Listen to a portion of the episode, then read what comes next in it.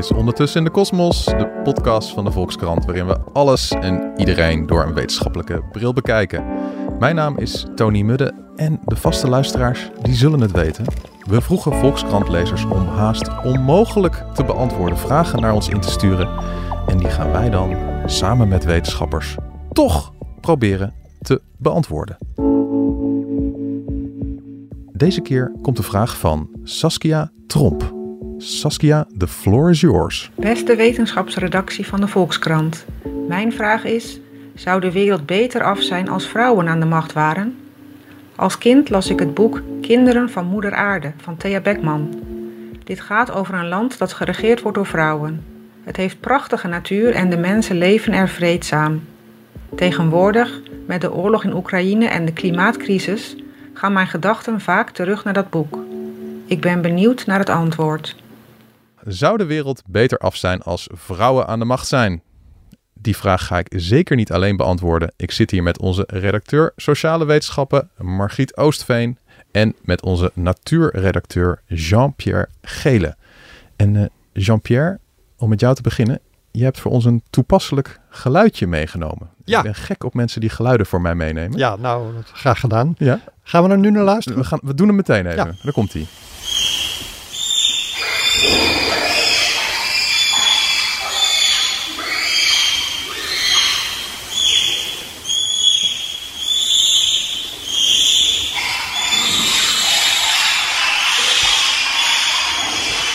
Mogen de luisteraars nu nog twee seconden bedenken Ja. welk dier zij denken hier te horen? En dan komt ik hier het verlossende Ik antwoord. zie al in de inzendingen dat geen van de luisteraars het goed had. Het zijn bonobo's die we horen. Ik dacht eerst vogels namelijk. Ja, dat Ja. zou ik ook denken. Heel in het begin nog even een tennishal. Maar Ja?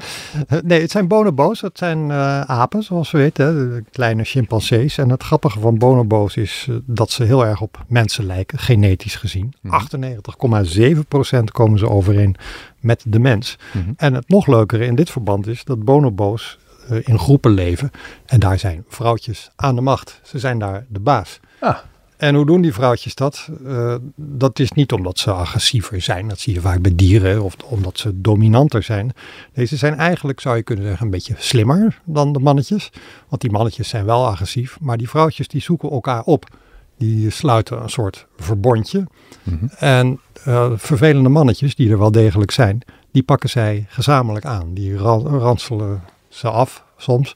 En daardoor eh, staan die vrouwen als groep hiërarchisch eh, hoger dan de mannetjes.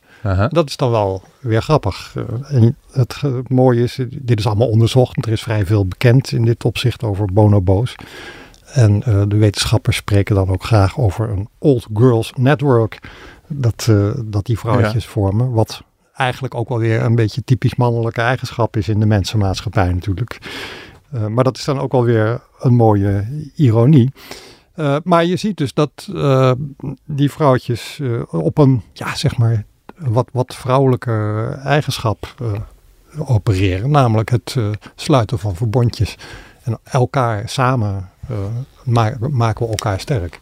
Zijn er meer voorbeelden uit het dierenrijk waar Jazeker. al vrouwen de, de machtigste Ja. posities bekleden? Ja, ja, dat zijn dan wel allemaal dieren die net iets minder op mensen lijken, genetisch gezien. Maar het is wel grappig om eens eh, naar te kijken.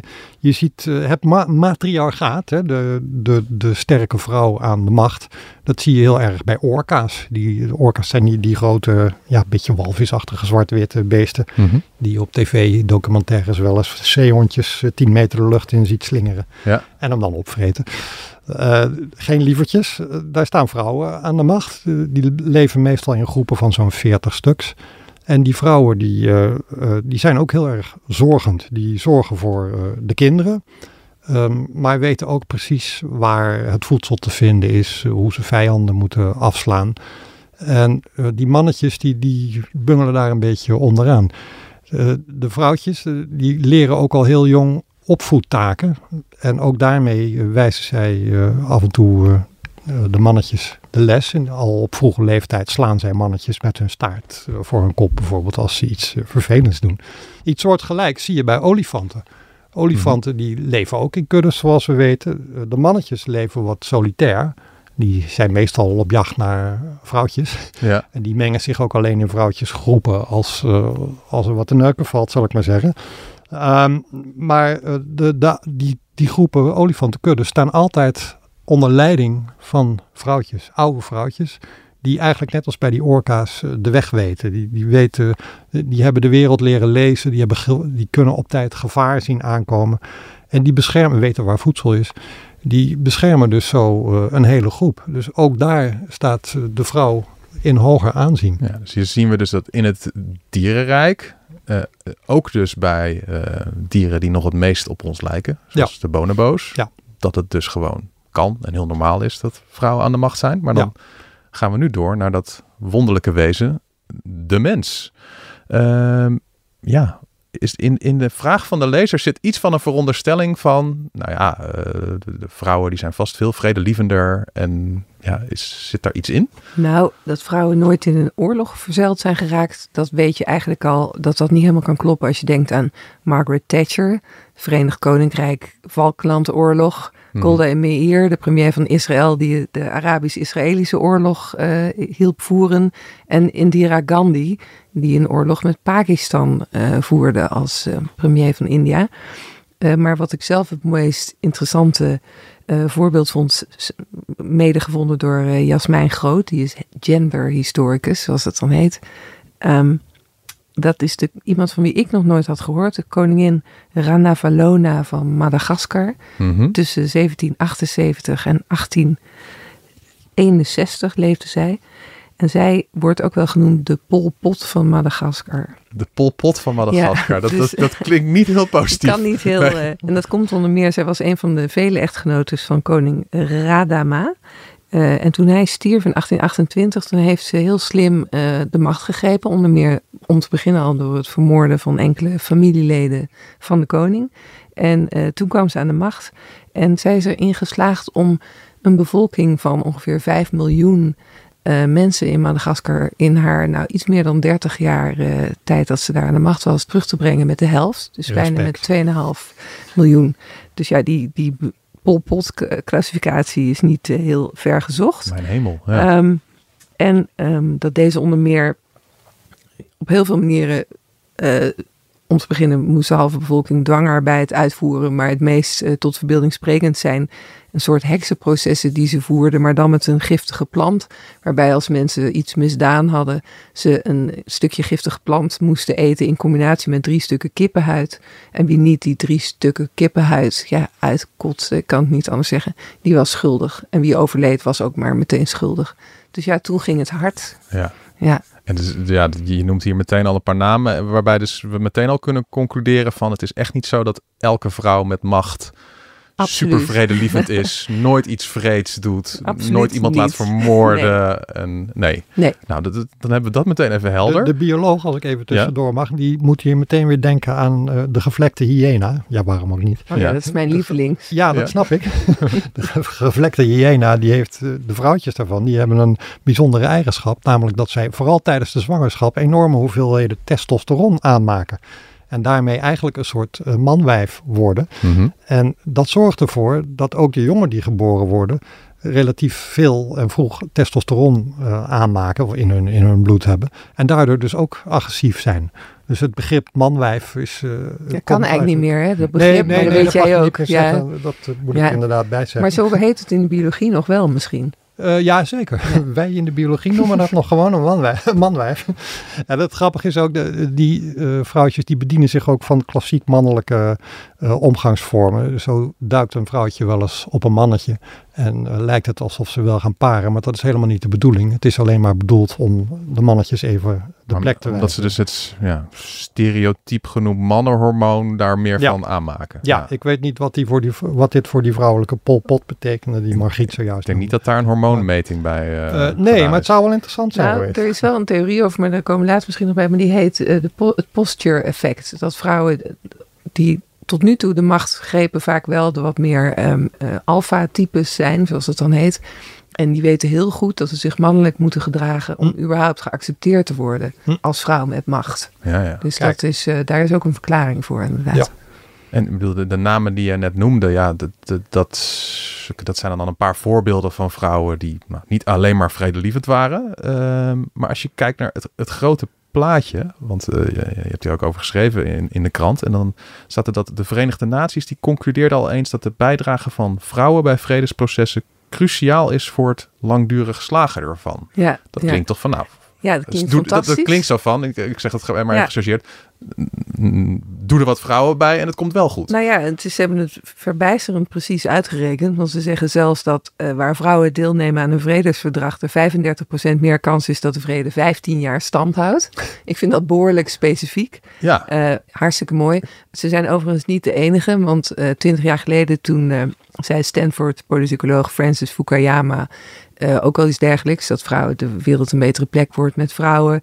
En dat heeft het natuurlijk altijd goed gedaan. Hè? Barack Obama die heeft dat eh, ook. eh, Maar die 35% Ook nog gezegd. is hoger dan wanneer mannen het zouden ja, dus regelen. dan, dan duurt de vrede langer als vrouwen deelnemen. Oké. Maar ik kom, zo, ik kom er zo op, want ja, Barack Obama die heeft dus ook gezegd dat, ze, dat de wereld beter zou zijn als minder oude mannen door oude mannen veroorzaakte problemen eh, zouden worden opgelost door vrouwen.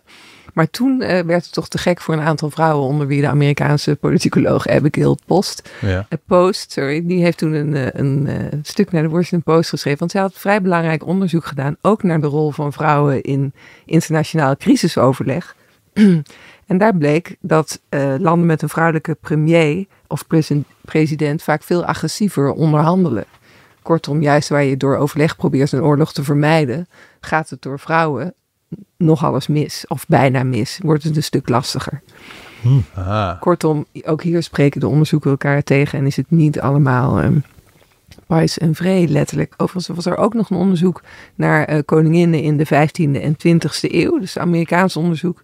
En daaruit bleek dat ook daar eh, eh, koninginnen veel vaker in conflicten tussen staten verzeild raakten dan koningen. Dus ik zou er niet Goed. mijn geld op zetten Nee. dat je er altijd een vrouw bij moet hebben. Maar overigens wil het ook niet zeggen dat je natuurlijk altijd alleen maar mannen moet hebben. En, en, maar als ik zo naar ja, eh, bekende generaals kijk of, of, of dictators, eh, het zijn toch meestal mannen. Is, is dat dan iets evolutionairs dat, dat mannen voor dat soort banen gaan? Of nou ja, daar heb ik over gesproken met de evolutionair psycholoog Mark van Vught, die heel bekend is op dit terrein, want hij heeft ontwikkeld de mannelijke krijgerhypothese. Nou, alleen de naam is natuurlijk altijd fantastisch. Ik kan me voorstellen dat het heel veel mannen aanspreekt. En het voldoet ook helemaal aan wat je misschien wel een beetje hoopt als man, maar ik kan niet in het hoofd van een man kijken. En dat is dat mannen die ten strijde trekken tegen andere groepen evolutionair altijd in het voordeel zijn geweest. Want ja, wat krijg je als winnende of stoere man? De vrouwtjes. En wat krijg je met de vrouwtjes? Je kunt je voortplanten. En niet alleen onder je eigen groep, maar als met een beetje geluk of een beetje oorlog ook onder andere groepen. En daarmee werden die gewelddadige genen van die alfamannen over de hele wereld verspreid. heel plastisch, dus heel plastisch gezegd van als ik de- mijn, mijn buurman vermoord en het dan met zijn vrouw doe en nakomelingen krijgen, dan is dat genetisch evolutionair Ja. gezien gunstig voor zijn mij. die gewelddadige genen van jou, die zijn, Die worden beloond. die zijn weer een stapje lijkt verder gekomen in de wereld. Ja, mocht En, mijn buurman eh, dit luisteren, ik heb geen plannen, laat dat duidelijk zijn. Maar volgens. Van Vug is dat dus de, de verklaring dat mannen overal ter wereld toch nog wat gewelddadiger zijn dan vrouwen.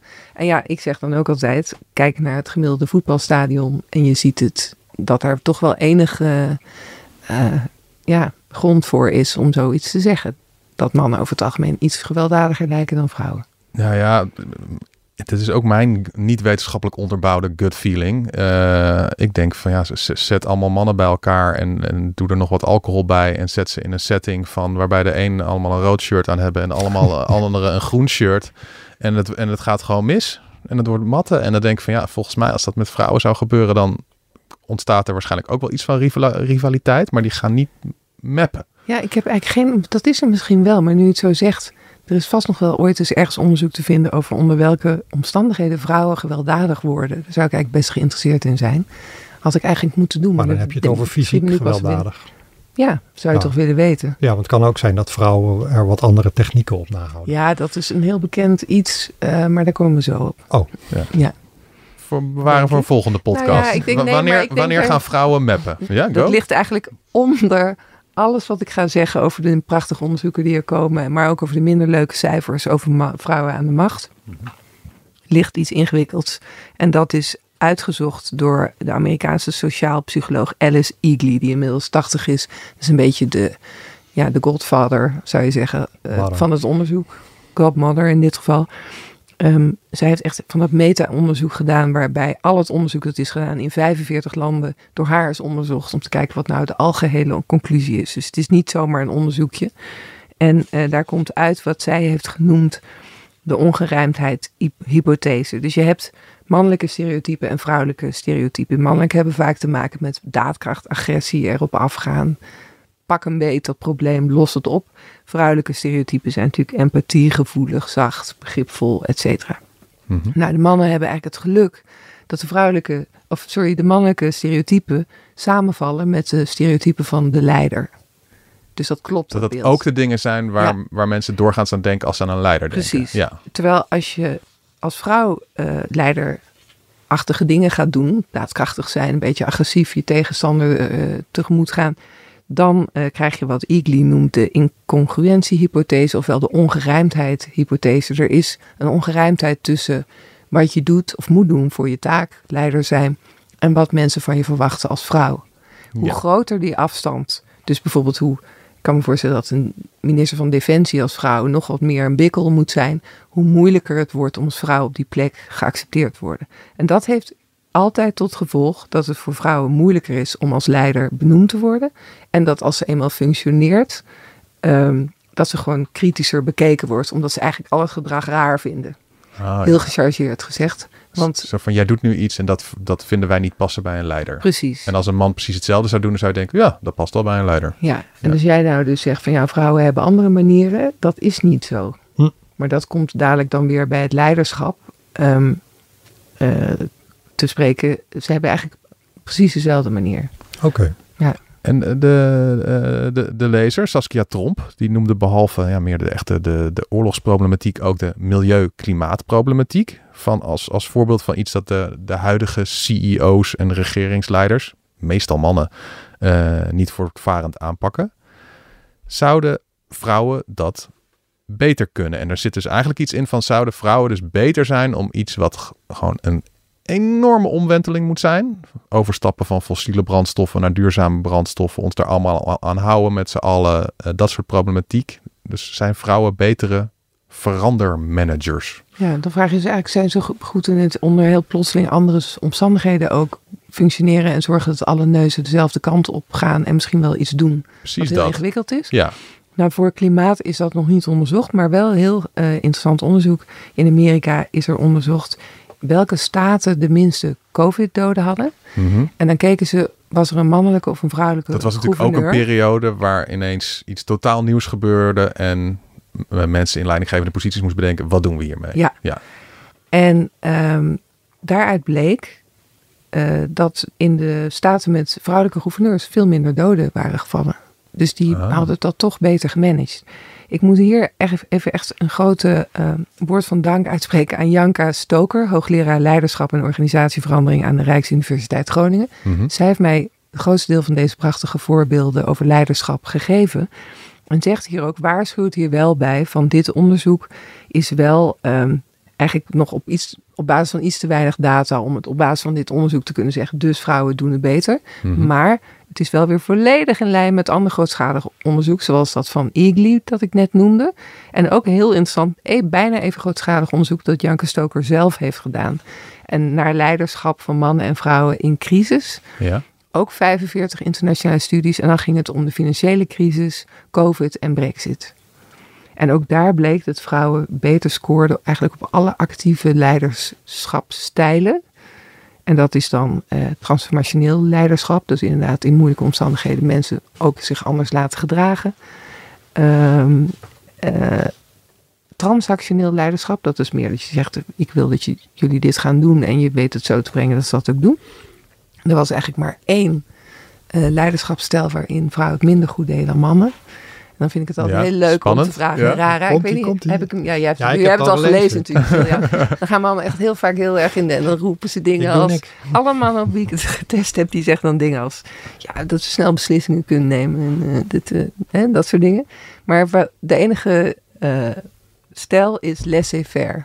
En zoals Stro- Stoker het zelf omschrijft, ja, dat is eigenlijk niks doen. Maar dat zeggen, dat is helemaal niet positief. Nee, Dus het, het, enige waar mannen beter in zijn, Ja. is, is iets helemaal niet positiefs. Dat is namelijk gewoon niks doen. niks doen. En zoals zij het ook zegt, dat is gewoon bewezen de minst effectieve leiderschapsstijl. Ja, ik kan er ook niks aan doen, dat zegt de onderzoeker. Oké, maar Ja. als eh, vrouwen op alle eigenschappen die er werkelijk toe doen in het leven, dat is namelijk een crisis kunnen oplossen, et cetera. Als ze daar beter in scoren dan mannen, waarom barst het dan niet van vrouwelijke eh, vrouwen in machtige posities? Nou, ten eerste dus om die eh, ongerijmdheidshypothese die ik net noemde. Mhm. Mensen kunnen door die stereotypen niet aan het idee dat een vrouw echt die leiderschapskwaliteiten heeft. Hoewel het natuurlijk nu wel langzaamaan beter wordt, maar dat is vanuit zo. En dan heb je nog het feit dat er toch wel heel veel vrouwen ge- keihard gefaald hebben als leider. En dan kom je eigenlijk bij de volgende hypothese die heel belangrijk is. Dat is die van de glazen klif. Ja, daar had je nog een fragmentje voor, hè? Ja. Zullen we die even eh, Mhm. luisteren? Komt-ie. It is and will always remain a matter of deep regret to me that I have not been able to deliver Brexit. Wij hoorden hier Theresa May, heel kort premier van Groot-Brittannië. En zij illustreert dus het ja, eh, glass cliff effect, glazen cliff. ja, zij is echt een, bij uitstek een glass cliff eh, woman. Een glazen plafond, dat ken ik. Ja. Van, van de vrouwen die dan Ja. niet weten door te dringen tot de top. Ja.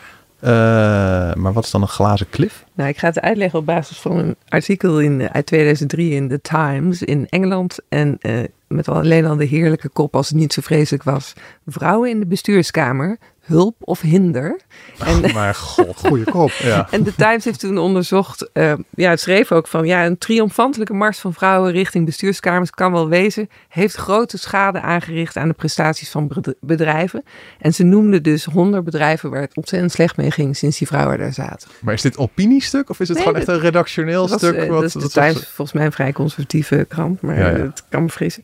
Maar ehm, in ieder geval, eh, toen dacht de Britse sociaal- en organisatiepsycholoog eh, Michelle K. Ryan, ook nogal naam op haar vlak, die dacht, ja, dat eh, ga ik even uitzoeken. Mhm. En die is al die honderd bedrijven onder de loep gaan nemen en ontdekte dat exact de bedrijven waar, sorry, ze waren niet allemaal honderd, alle honderd geleid door een vrouw, maar er waren, die door een vrouw geleid waren, daar ging het dus heel slecht mee.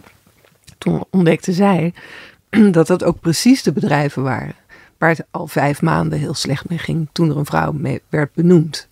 Ah. En dat was bij die andere vrouwen, andere bedrijven niet zo. Maar zo'n kanttekening zou je misschien ook kunnen maken bij dat onderzoek naar die Amerikaanse staten en COVID, waar je het eerder over had. Het zou kunnen, maar vandaar ook de opmerking. Ja, dat het weinig nog niet, data. ja. Maar om even dit door te pakken. eh, dit is dus een soort onzichtbare hoorde. Mhm. Die er heel vaak blijkt te zijn. Blijkt ook uit ja. onderzoek als er vrouwen worden eh, benoemd. En dat noemen ze de glazen klif. Een ander voorbeeld is eh, de nieuwe CEO die bij Twitter is benoemd. eh, toen eh, Elon Musk alle adverteerders had weggejaagd. Een vrouw, Linda Jaccarino. En ehm, Dus dan Ja. is het eigenlijk dus op het moment dat de, de, de hele organisatie al de afgrond aan het instorten is. precies. Dan wordt er een vrouw benoemd. Ja. En dan op het moment dat die de grond raakt, dan zeggen ze ja, ja, vrouw aan het roer. Ja, Dus en dat- diezelfde, dat ja, is het dus. Diezelfde onderzoeker Michelle Ryan heeft toen ook over Theresa May uitgelegd. Want er was een mannelijke opvolger. Zijn naam is me even ontschoten van Cameron. Maar die nam de benen. Die ging weg. Dus ja, toen was alleen nog de vrij onbeduidende Theresa May. Die toen premier werd.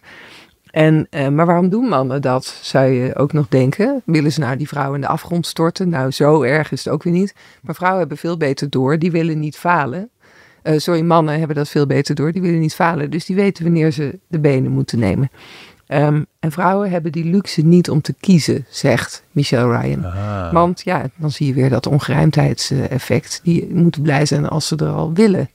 Als Anders- leider. en Anders krijg je ook misschien dat ze iets van, ah, dan vragen we een keer een vrouw en dan wil ze niet. Ja, en is er dat- ook nog, dat. eh, ja, precies, want er is ook nog heel leuk onderzoek. Dus je denkt, ja, waarom doen mannen dat dan wel, hè, die vrouw? En dat is afgelopen jaar in Duitsland is daar onderzoek naar gedaan. En het blijkt dat dat eigenlijk vooral gebeurt in crisistijden. Dat ze dan ook nog eens een vrouw willen om te laten zien dat het nu echt, dat ze het heel anders gaan doen. Die vrouw is dan een beetje een poster girl voor, eh, zogenaamde verbetering. Terwijl ja, die kan je natuurlijk niet altijd afdwingen. Ja. Ja, Als ik, als ik het zo samenvat, wat we tot nu toe besproken hebben. Één, eh, in het dierenrijk gebeurt het op verschillende plekken. Dat Zeker. vrouwen aan de macht zijn en dat gaat prima. Ja. Eh, twee, eh, het is niet zo dat als een vrouw aan de macht komt, dat het dan een allemaal eh kumbaya vredelievend wordt. Met, met als bruggigste voorbeeld de Pol Pot van Madagaskar. Drie, als je kijkt naar vrouwelijke eh, leiderseigenschappen die echt belangrijk zijn. Dat is namelijk, kan je mensen meenemen bij grote veranderingen. Dan zijn vrouwen daar gewoon beter in dan mannen. Eh, slotsom, kunnen we daar op de een of andere manier naartoe? Zou de wereld Ja. beter af zijn als vrouwen aan de macht zijn? Wat, wat, heb, wat, wat denk jij? ik heb het aan Janke Stoker gevraagd. Toch echt in ieder geval Nederland de persoon om het aan te vragen. als het gaat over leiderschap. En zij zegt echt ja, op dit moment, op dit moment doen vrouwen het beter dan mannen. Mhm. Waarom? Niet omdat ze vrouw zijn, maar wel omdat ze veel beter hun best moeten doen. Ja, ja. Tegen alle stereotypen in. Eh, waarmee ook wel grappig deze grote vraag eigenlijk niet helemaal de goede vraag is om vrouwen vooruit te helpen. Want die bevestigt het stereotype. Maar goed, toch leuk om elkaar uit te zoeken. Ja, maar het is dus zo van, al- als vrouw moet je zo hard werken om ertussen te komen, dat die gewoon doorgaans beter zijn dan, dan Op de, gemiddelde man. moment wel, ja. ja. En als je dan zegt, als de wereld echt een betere plaats was waar mannen net zo vaak, eh, of vrouwen net zo vaak de leiding kregen als mannen, Mhm. dan zou dat beter zijn, vermoedelijk zo weer weg zijn. Want dan hoeven ze niet meer zo extra hun best te doen. En Dan, dan, zijn ze eigenlijk, hebben ze eigenlijk dezelfde kwaliteiten. ja, ja, Maar dan ja. ook wel precies dezelfde. Ja. Ja, Dus dan maakt het niks uit.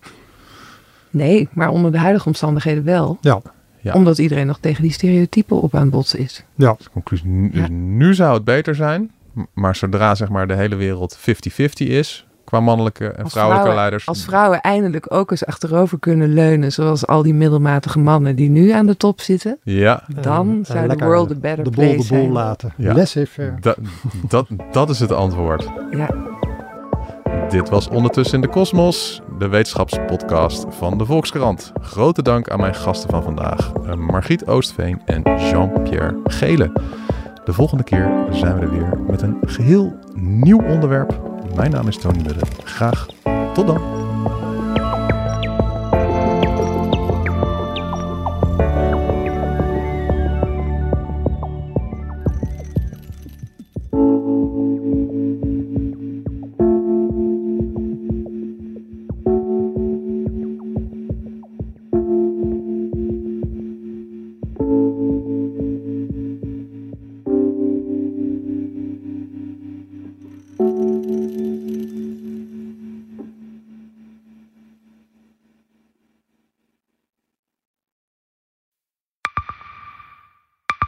Zijn leven is overhoop gegooid. Plus dat heel veel mensen hem niet geloven. Vrienden niet, die, die denken, ja, hij is gewoon gek geworden. Hoe naar moet dat zijn? Als je vertelt over de meest indringende ervaring uit jouw leven en niemand gelooft dat je het echt hebt meegemaakt. Ja, ik vind zelf niet dat ik het verzonnen heb, maar sommige mensen denken dat wel. Maar hoe kom je erachter of jij je doelwit bent van een geheime dienst? Ik heb ook wel eens meegemaakt dat je het idee hebt dat inlichtingendiensten in je geïnteresseerd zijn. En dan kun je wel heel veel zien, wat er misschien helemaal niet is. Als ik s'avonds nog iets ging eten, dan volgden die mensen mee naar het restaurant. En dan terug van het restaurant naar het hotel. Als zij op een gegeven moment zei, kijk maar uit, want anders word je dadelijk nog ontvoerd ook. Shit, ik moet hier weg. Dat is, is niet goed. Nu word ik gevolgd. Een soort Truman Show is het gewoon. Hè? Alsof dat hele straatbeeld voor jou is ingericht. Maar dan wel met bedoeling jou niet door te laten. Dit kan geen toeval zijn. Een nieuwe podcast van de Volkskrant. Mijn naam is Simone Eleveld en samen met Huid Modderkolk ontrafel ik een bizarre operatie van de geheime dienst. Wat het doel ook is, jij verliest het. Ik werd opgepakt, heel lang ondervraagd. Maar hoe krijg je grip in een wereld die zo onderzichtig is? Als je zou liegen, dan zou je niet de meest relevante informatie twee jaar later tussen neus en lippen doorvertellen. Er zal nooit iemand zeggen, oké Bart, ik geloof je. Nooit, nooit. Dit kan geen toeval zijn. Vanaf 3 oktober bij de Volkskrant. Ik weet niet of ik je ook alles kan vertellen. Het is echt te bizar. Wat? Ehm, ja,